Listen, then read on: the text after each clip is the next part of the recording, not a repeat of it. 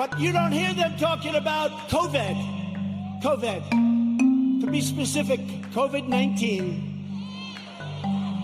That name gets further and further away from China as opposed to calling it the Chinese virus. And despite the fact that we, I, have done a phenomenal job with it, I shut down the United States. I saved hundreds of thousands of lives. We don't ever get even a mention.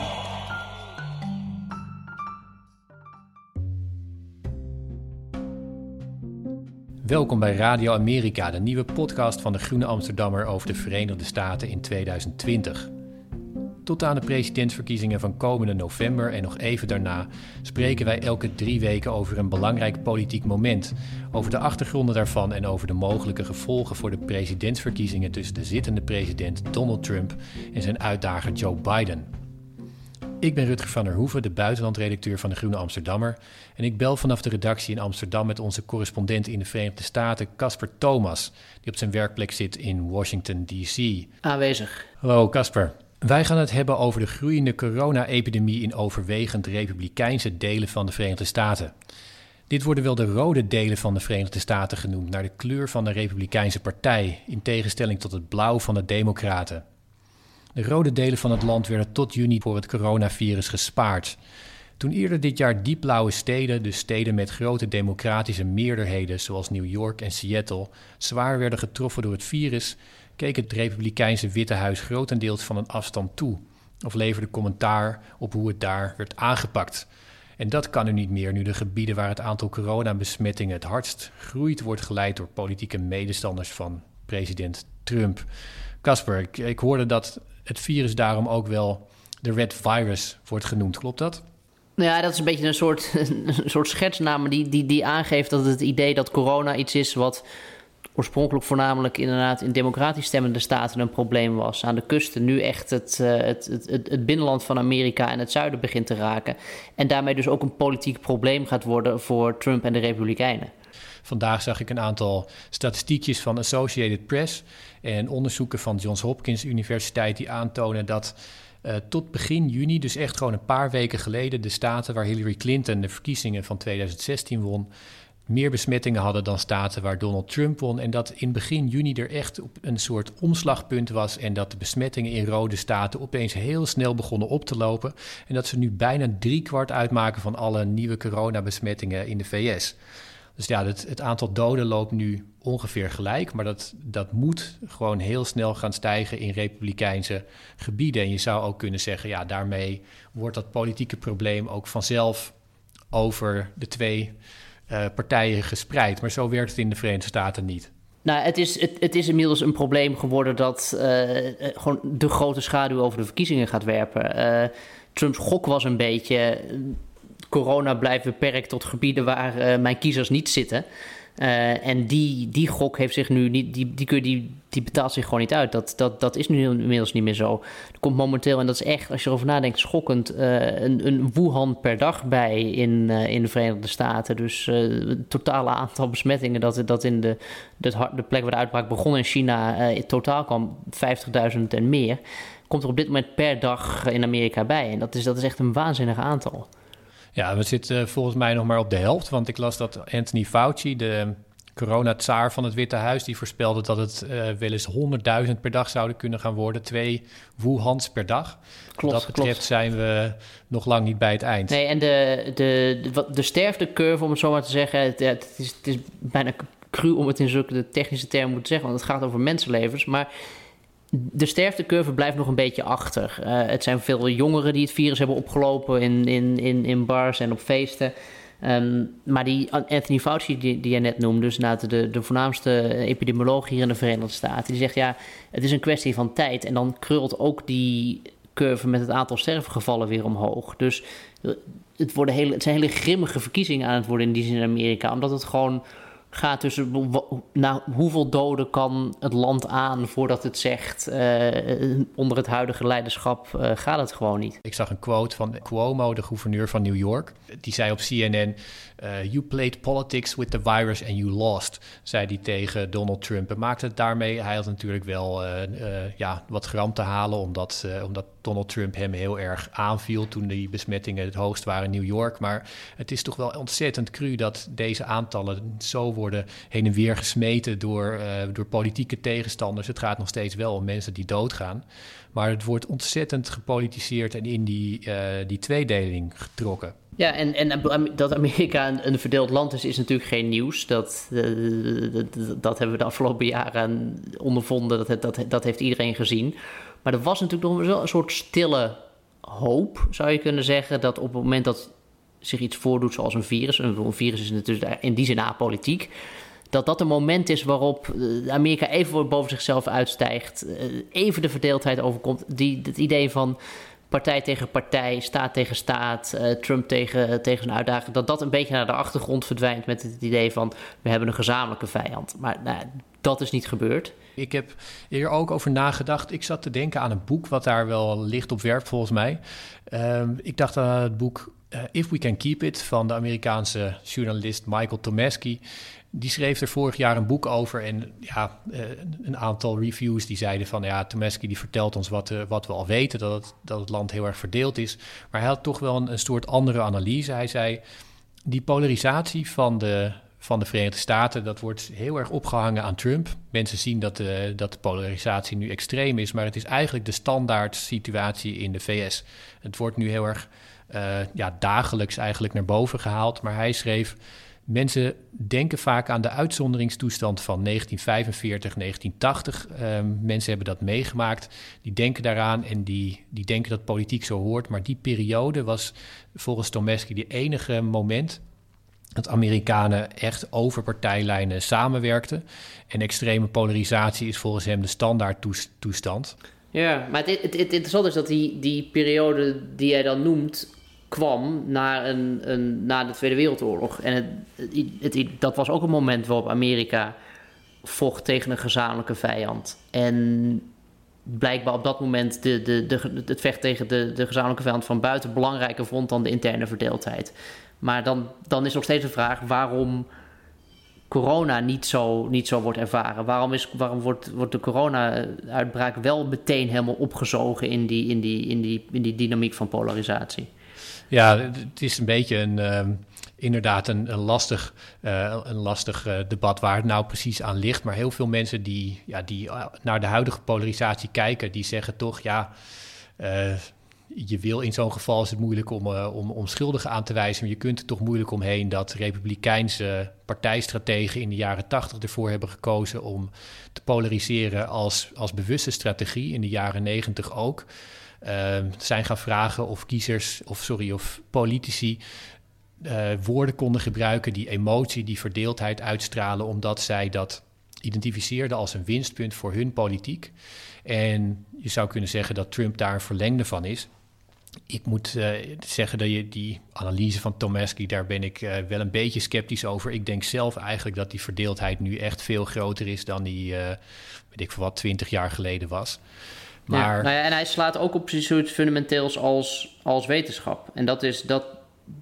En het idee, dus voor mij is het, het zaaien van sceptisch tegen wetenschappers, tegen onafhankelijke experts, dat, dat is ook een beetje uh, in, als een boemerang in het gezicht van Amerika teruggeslagen. Want dit is een moment waarop je juist de behoefte hebt aan inderdaad onafhankelijke experts, zoals die Fauci die we net al noemden, die Amerika soort een beetje de weg wijst uh, welke kant het op gaat. En of je hebt een politieke structuur nodig. Dat is trouwens ook nog een kwestie. Hoe, ik, heb, ik heb soms wel eens de indruk dat de federale structuur van Amerika gewoon niet is toegerust op een pandemie. Want iedere staat heeft zijn eigen regels. De ene staat gaat eerder open dan de andere. Mensen gaan reizen tussen staten. Dus op die manier krijg je het virus volgens mij ook gewoon er niet onder. Ja, ik, ik las daar een, uh, toevallig net een commentaar over in The Economist. Die, die Economist zelf die schrijft van nou, uh, de zwakte van Amerika is ook zijn kracht het is een, duidelijke zwakte dat er, dat er nu niet een federale aanpak is. Trump staat er heel erg verloren bij en daar, daardoor uh, doet de overheid niks. En er is geen sturing en daar, daarmee ligt het land lam, zou je kunnen zeggen. Maar aan de andere kant is het land heel erg, eh, heeft een hele grote spreiding van machten. En er zit heel veel macht bij de gouverneurs, bij, uh, bij mhm. counties. die hebben allemaal hun eigen health experts en die, die maken eigen beleid. En daar zit dus ook een kracht in dat die onafhankelijk van Trump zijn gaan bewegen. En nu is het wel zo dat je, dat je ziet onder Trump dat hij ook die structuur heeft proberen te polariseren in de federale overheid bijvoorbeeld. Maar ja, op lokaal niveau is er toch op heel veel plekken wel een aanpak geweest. Maar ja, in republikeinse gebieden dus veel minder, omdat je daar die, uh, die polarisatie zag terugkomen. Ik snap dat punt wat, wat de Economist maakt op zo'n moment wel, maar dan eigenlijk komt het dan op neer dat het een soort, soort grabbelton is en dat je gewoon moet hopen dat je in een staat woont waarin uh, de gouverneur verstandig genoeg is om de economie niet te vroeg weer open te gooien of bereid is uh, voldoende beademingsapparaten in te kopen. En op het moment dat je dan nog steeds binnen de VS van A naar B kan, van de ene staat naar de andere, dan besmet letterlijk de ene staat de andere. Dat is, dat is ook een reden waarom die curve nu weer aan het, uh, aan het, aan het, aan het omhoog gaan is.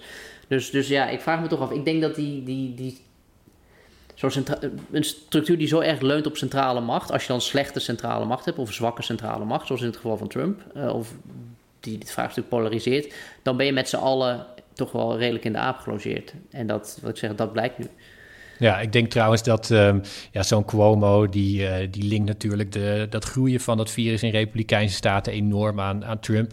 Ik denk wel eerlijk gezegd dat hij hier ook gewoon pech heeft. Want Republikeinse staten, daarin hebben de mensen altijd minder de, de voorschriften toe uh, gevolgd. Ze hebben minder uh, afstand gehouden, minder, zijn, zijn nog steeds meer blijven reizen.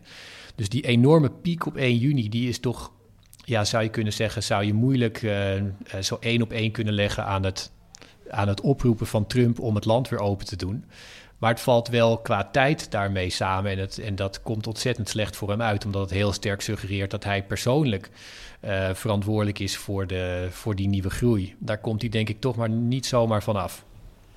Nee, en dat is, dat is ook iets dat zie je nu. De Democraten zijn spotjes aan het maken waarin ze Trump een, een, een verkeerde aanpak van de, de coronacrisis verwijten en zeggen dat hij wegkijkt. En Tegelijkertijd zie je dat er binnen de Republikeinse Partij is er een soort, een soort stille campagne op gang gekomen om Trump zover te krijgen of hij alsjeblieft een keer een masker wil omdoen. Omdat het er toch wel naar uitziet dat het dragen van maskers helpt om de, de verspreiding van het virus tegen te gaan. Maar Trump is te ijdel en die, die, die wil daar niet aan.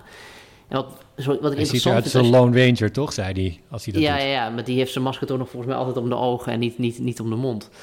Um, en ja, wat je, wat je ziet, dat, dat vind ik interessant. Ik heb natuurlijk de, de, de, speeches, de tweets en de persconferenties van Trump gevolgd de laatste tijd. En als je daarnaar luistert, dan heb je eigenlijk niet het idee dat er überhaupt een coronaproblematiek gaande is in, in Amerika. Hij heeft het, hij heeft het er heel weinig over. Um, en als hij het erover heeft, is het kort van ja, hier en daar wat uitbraken. Die zijn we onder controle aan het krijgen. Maar voor de rest is het uh, business as usual en uh, gaat de economie fantastisch. Dus je, kunt bijna een soort spelletje doen. Uh, uitspraken van Trump of ze nou uit 2020 of uit 2016 komen. En, en je kunt het er vaak niet aan aflezen. En dus hij negeert het echt een beetje hoor. Dat, is wel, dat is, valt me wel echt op.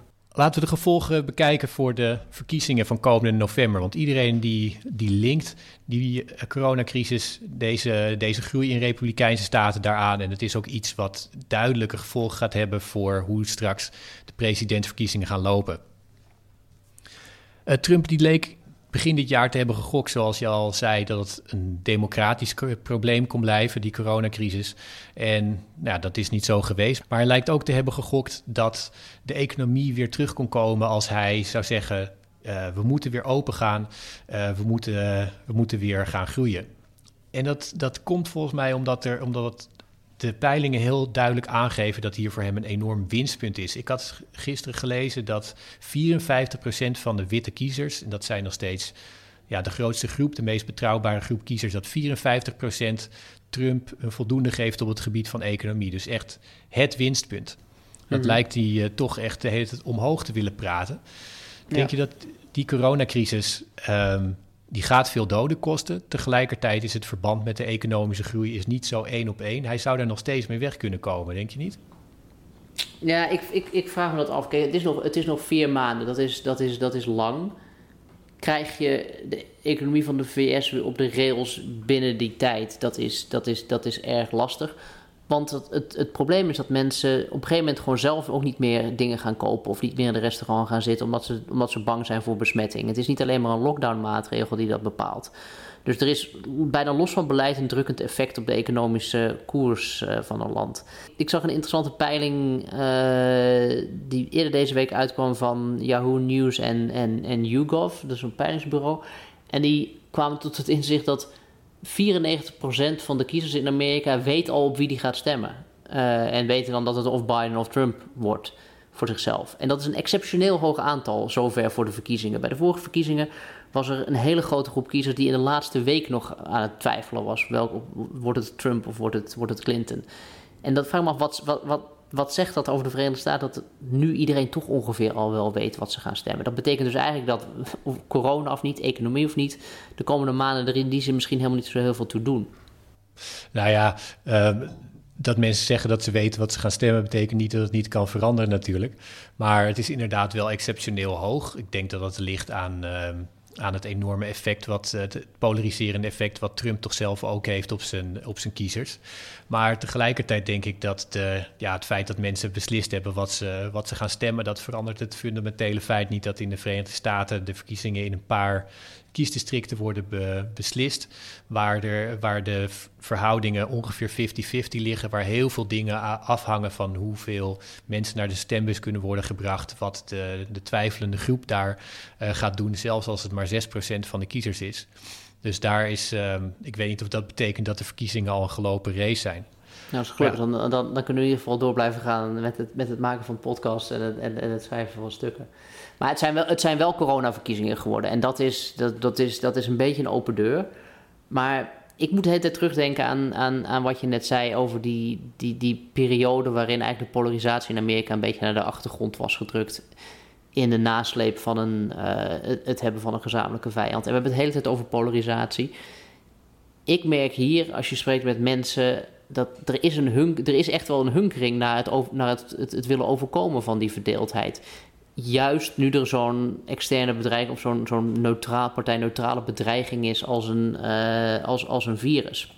Maar is dat ook niet omdat, je, omdat jij vooral spreekt met democratische kiezers? Want volgens mij is dat het, het thema verbondenheid is toch gewoon het kernthema van, uh, van Joe Biden. Dat hij de verbinder is en dat hij dat kan brengen. En zolang zeg maar, een verlangen naar verbondenheid een centraal thema is, kan Biden niet verliezen.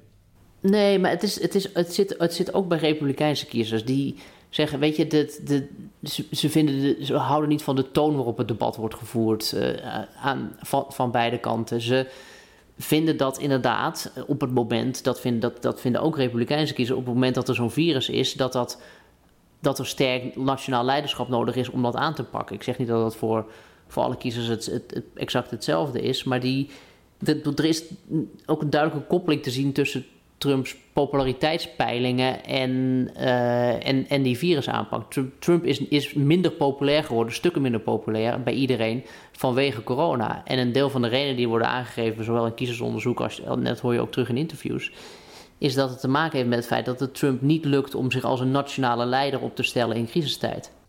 Toch, toch denk ik, ik weet niet hoe jij erover denkt, maar toch denk ik dat Trump, dat, dat de beste electorale kans die, die, die er voor hem is, als het te, te maken heeft met corona, is om gewoon zichzelf uh, weg, weg te houden van het beleid, om zijn mond te houden. Want zo, als hij wordt geassocieerd met beleid, kijk, hij kan nooit meer inlopen dat hij, uh, die geen leiding heeft gegeven aan de nationale aanpak.